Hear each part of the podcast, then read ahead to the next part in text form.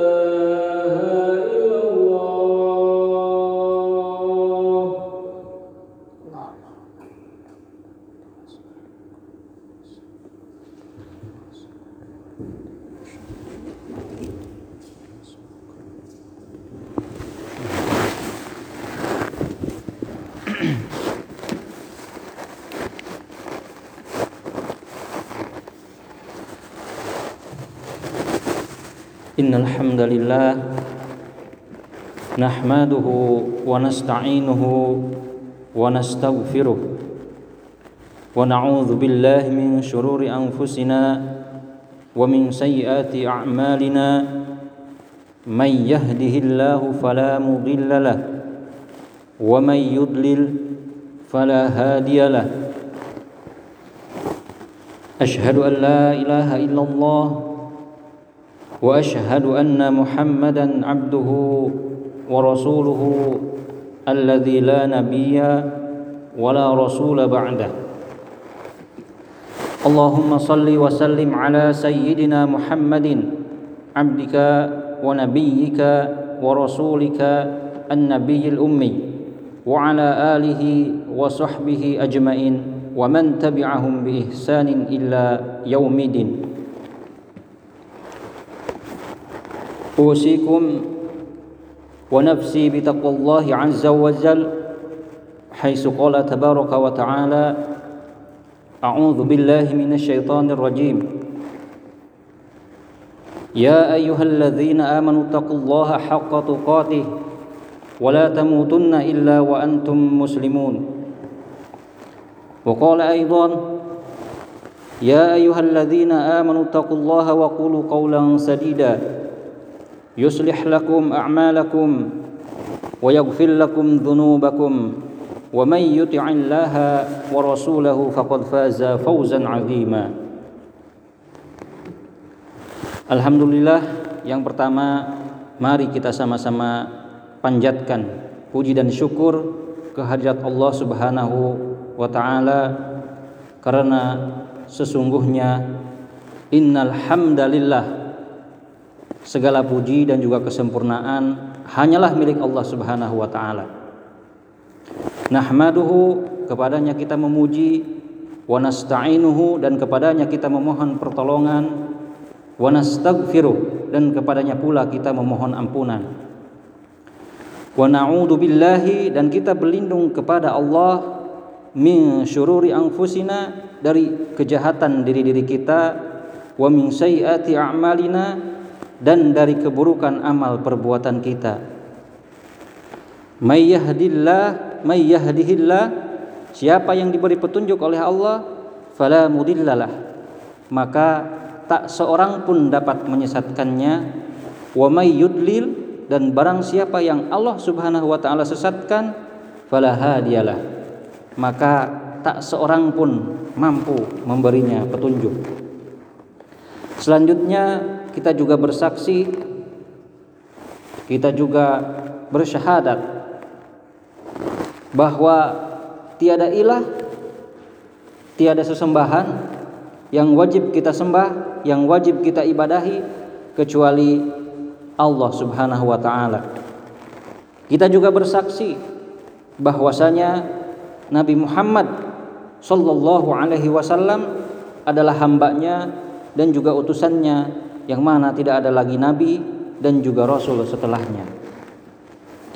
Berikutnya kita sampaikan salawat taslim kepada suri tauladan kita kepada kudwah kita habibana wa nabiyana Muhammad sallallahu alaihi wasallam kepada keluarganya, kepada para sahabat, tabi'in, tabi'ut tabi'in dan juga orang-orang yang senantiasa berupaya istiqomah sekuat tenaga menjalankan apa yang telah beliau Shallallahu Alaihi Wasallam contohkan. Selanjutnya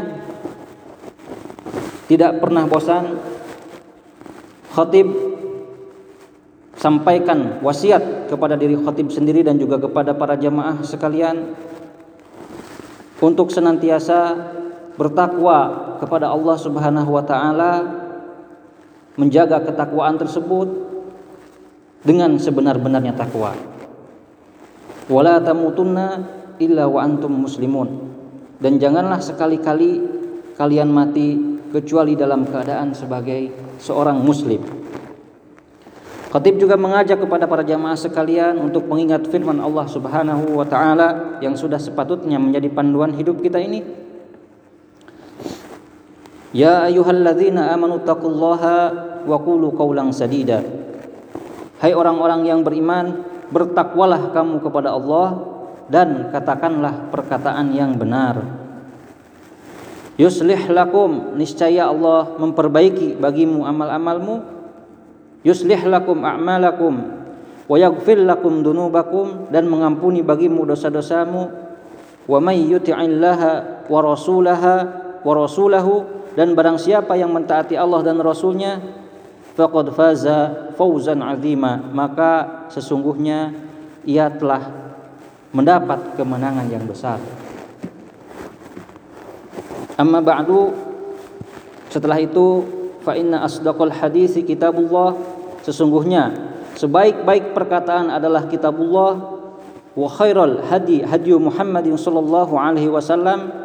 Dan sebaik-baik petunjuk adalah petunjuk Muhammad sallallahu alaihi wasallam wa syaral umuri muhdatsatuha dan sejelek-jelek perkara adalah perkara agama yang diada-adakan. Wa kullu muhdatsatin bid'ah dan setiap perkara perkara agama yang diadakan itu adalah bid'ah. Wa kullu bid'atin dolalah dan setiap bid'ah adalah kesesatan. Wa kullu dolalatan finnar dan setiap kesesatan itu tempatnya di neraka Hadirin ma'asyiral mukminin rahimakumullah. Tidak ada seorang pun di antara kita yang tidak menghendaki kesejahteraan. Setiap kita pasti selalu mengharapkan agar kehidupan kita penuh dengan keberkahan, memiliki harta yang mencukupi, rezeki yang melimpah, serta dijauhkan dari rasa gundah dan juga kesempitan hidup. Jawaban atas semua harapan itu di antaranya ada pada istighfar yang senantiasa ataupun senantiasa berusaha kita amalkan, kita kerjakan. Siapa saja yang hari-harinya dipenuhi dengan istighfar, maka ia akan memperoleh kesejahteraan dari Allah Subhanahu wa taala. Hal ini tergambar dalam seruan Nabi Nuh alaihi salam kepada umatnya yang bisa kita dapati dalam Quran surat Nuh ayat 10 sampai dengan 13 Allah taala berfirman wa qultu astaghfiru rabbakum innahu kana ghaffara. Maka aku katakan kepada mereka mohonlah ampun kepada Tuhanmu sesungguhnya dia adalah maha pengampun. Yursilis samaa alaikum midrara niscaya dia akan mengirimkan hujan kepadamu dengan lebat. Wa yumdidukum bi amwali wa banina wa yaj'al lakum jannati wa yaj'al wa yaj'al lakum anhara. Dan membanyakan harta dan anak-anakmu dan mengadakan untukmu kebun-kebun dan mengadakan pula di dalamnya untukmu sungai-sungai. Malakum la tarjuna lillahi waqara Mengapa kamu tidak percaya akan kebesaran Allah? Hadirin ma'asyiral mu'minin rahimakumullah. Ayat-ayat ini dengan dengan sangat jelas menerangkan keuntungan yang akan diperoleh oleh mereka yang beristighfar ataupun memohon ampun kepada Rabbnya. Kembali kepada nilai-nilai tauhid, kembali kepada nilai-nilai penghambaan kepadanya Orang yang beristighfar akan memperoleh keberkahan yang dalam konteks zaman itu di dalam ayat yang tadi disampaikan digambarkan dengan mendapat curahan hujan yang lebat, membanyakkan harta dan anak-anak, menumbuhkan kebun-kebun yang rindang dan disediakan sungai-sungai yang akan mengairinya. Hadirin ma'asyiral mu'minin rahimakumullah. Keuntungan-keuntungan bagi yang melazimkan istighfar juga disebutkan di dalam hadis Rasulullah sallallahu alaihi wasallam berikut.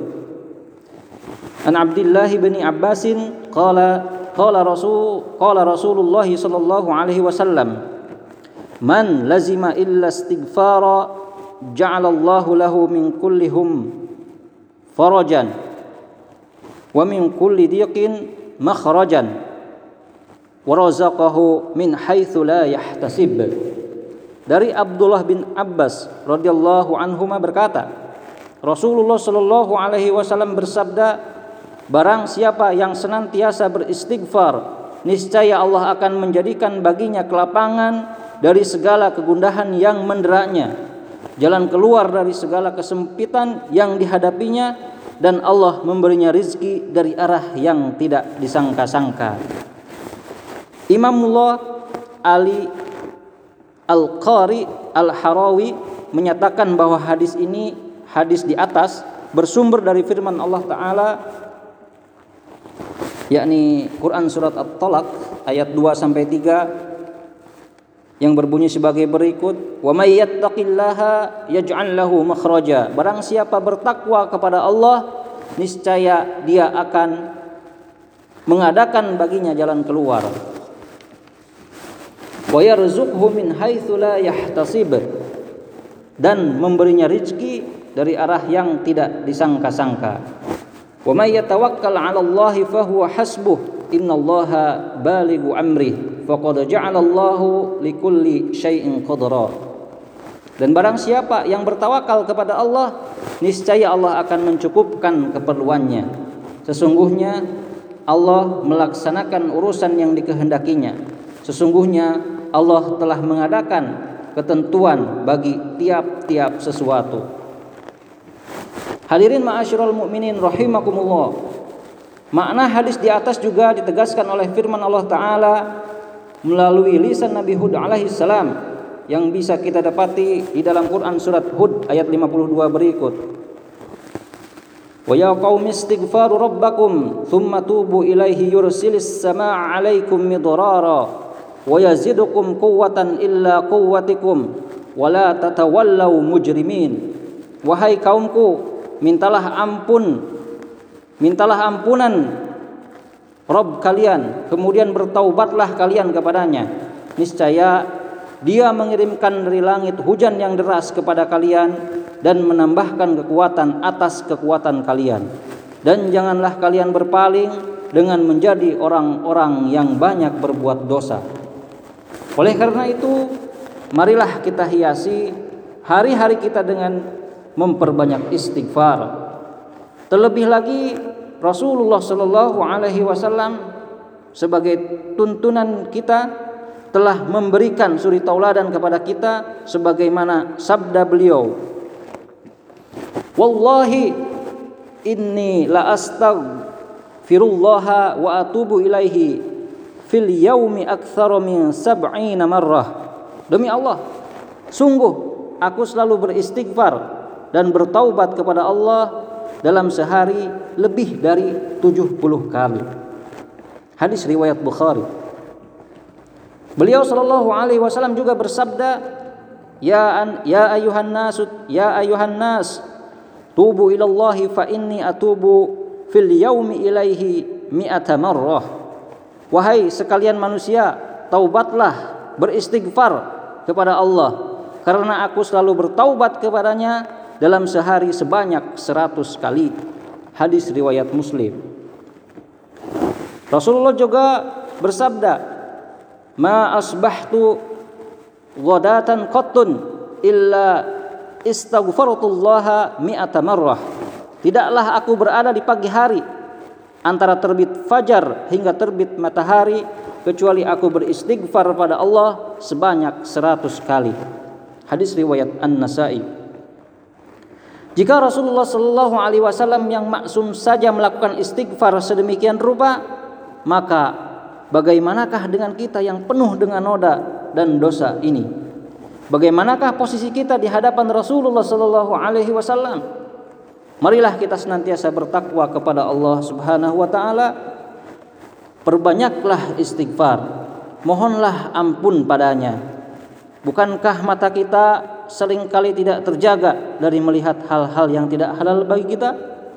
Bukankah telinga kita sering kali tidak terjaga dari mendengar hal-hal yang tidak ada manfaatnya selain menumbuhkan kelalaian? Bukankah lisan kita sering kali tidak terjaga dari mengatakan hal-hal yang tidak disenangi oleh Allah Subhanahu wa taala? Mari kita perbanyak istighfar. Sungguh terlalu banyak noda dan dosa yang ada pada diri kita terlalu banyak kekurangan dan kelemahan yang ada pada diri kita. Mari kita perbanyak istighfar, semoga Allah mengampuni segala dosa kita. Allahu taala amin. Aku lu qauli hada wastaghfirullahu li wa lakum wa lisairil muslimina min kulli dhanbin fastaghfiruhu innahu huwal ghafurur rahim.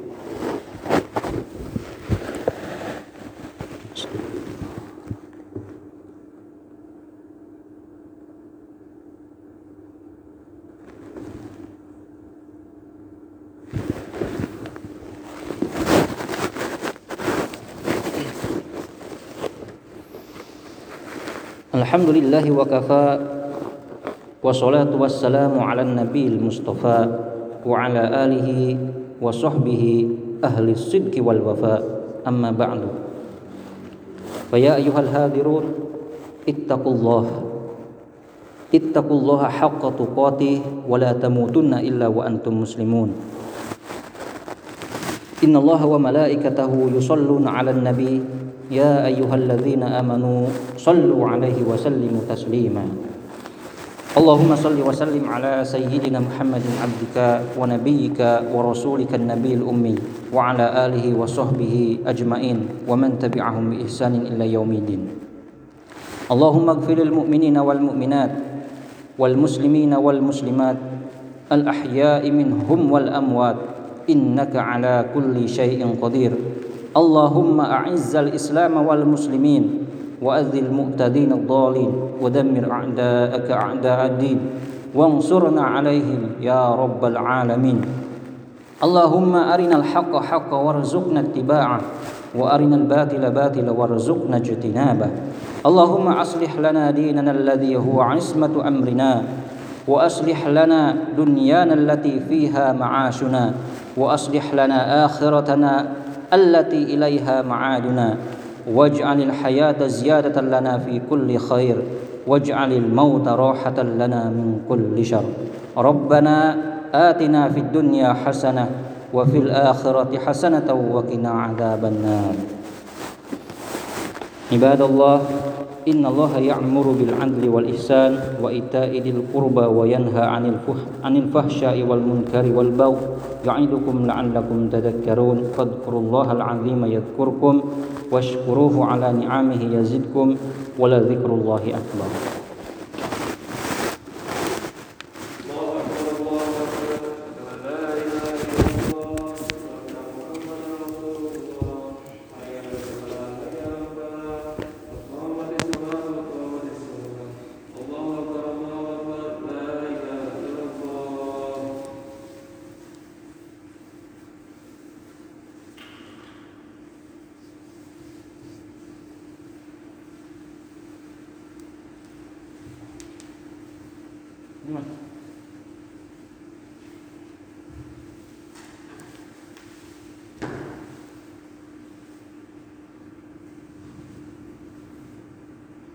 الله أكبر.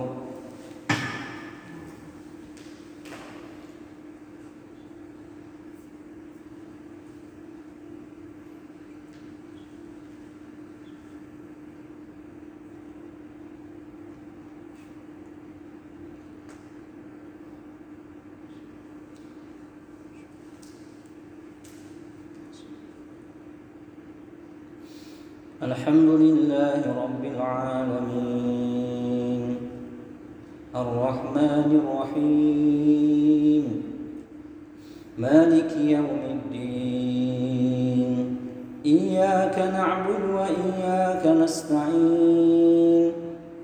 اهدنا الصراط المستقيم. صراط الذين أنعمت عليهم غير المغضوب عليهم ولا الضالين.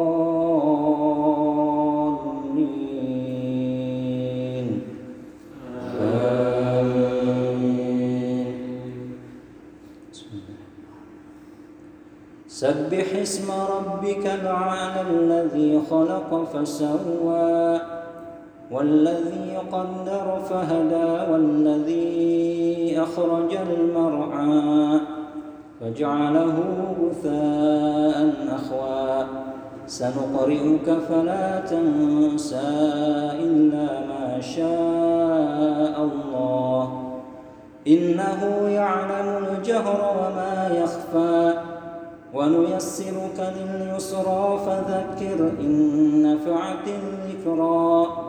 سيذكر من يخشى ويتجنبها الأشقى الذي يصلى النار الكبرى. ثم لا يموت فيها ولا يحيا. قد أفلح من تزكى وذكر اسم ربه فصلى. بل تؤسرون الحياة الدنيا والآخرة خير وأبقى إن هذا لفي الصحف الأولى صحف إبراهيم وموسى. الله أكبر.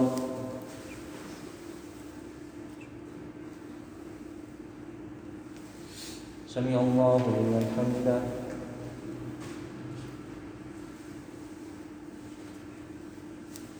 الله أكبر.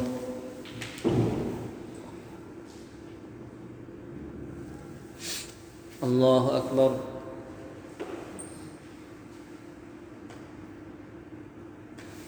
الله أكبر.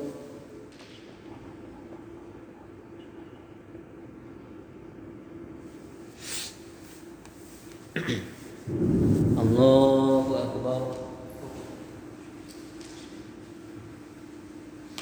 الحمد لله رب العالمين. الرحمن الرحيم. مالك يوم الدين. إياك نعبد وإياك نستعين. اهدنا الصراط المستقيم. صراط الذين أنعمت عليهم غير المغضوب عليهم ولا الضالين آمين.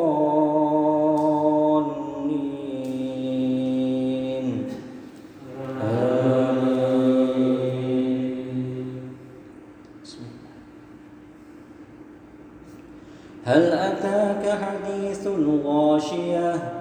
وجوه يومئذ خاشعة عاملة ناصبة تصلى نارا حامية. تسقى من عين آنية ليس لهم طعام إلا من ضريع. لا يسمن ولا يغني من جوع. وجوه يومئذ ناعمة لسعيها راضية. في جنة عالية لا تسمع فيها لاغية. فيها عين جارية فيها سرر مرفوعة وأكواب موضوعة ونمارك مصفوفة وزرابي مبثوثة. أفلا ينظرون إلى الإبل كيف خلقت وإلى السماء كيف رفعت؟ وإلى الجبال كيف نصبت وإلى الأرض كيف سطحت. فذكر إنما أنت مذكر لست عليهم بمسيطر إلا من تولى وكفر. فيعذبه الله العذاب الأكبر. إن إلينا إيابهم ثم إن علينا حسابهم. الله أكبر.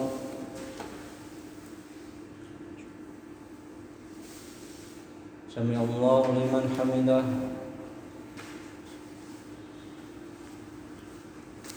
الله أكبر.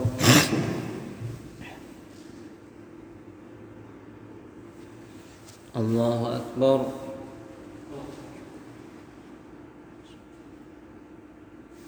الله أكبر.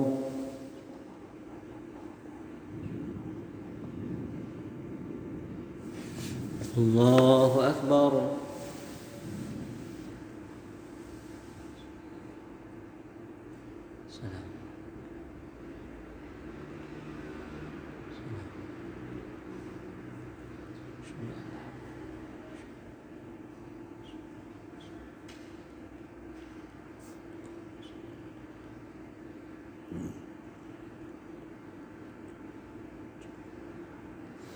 اللهم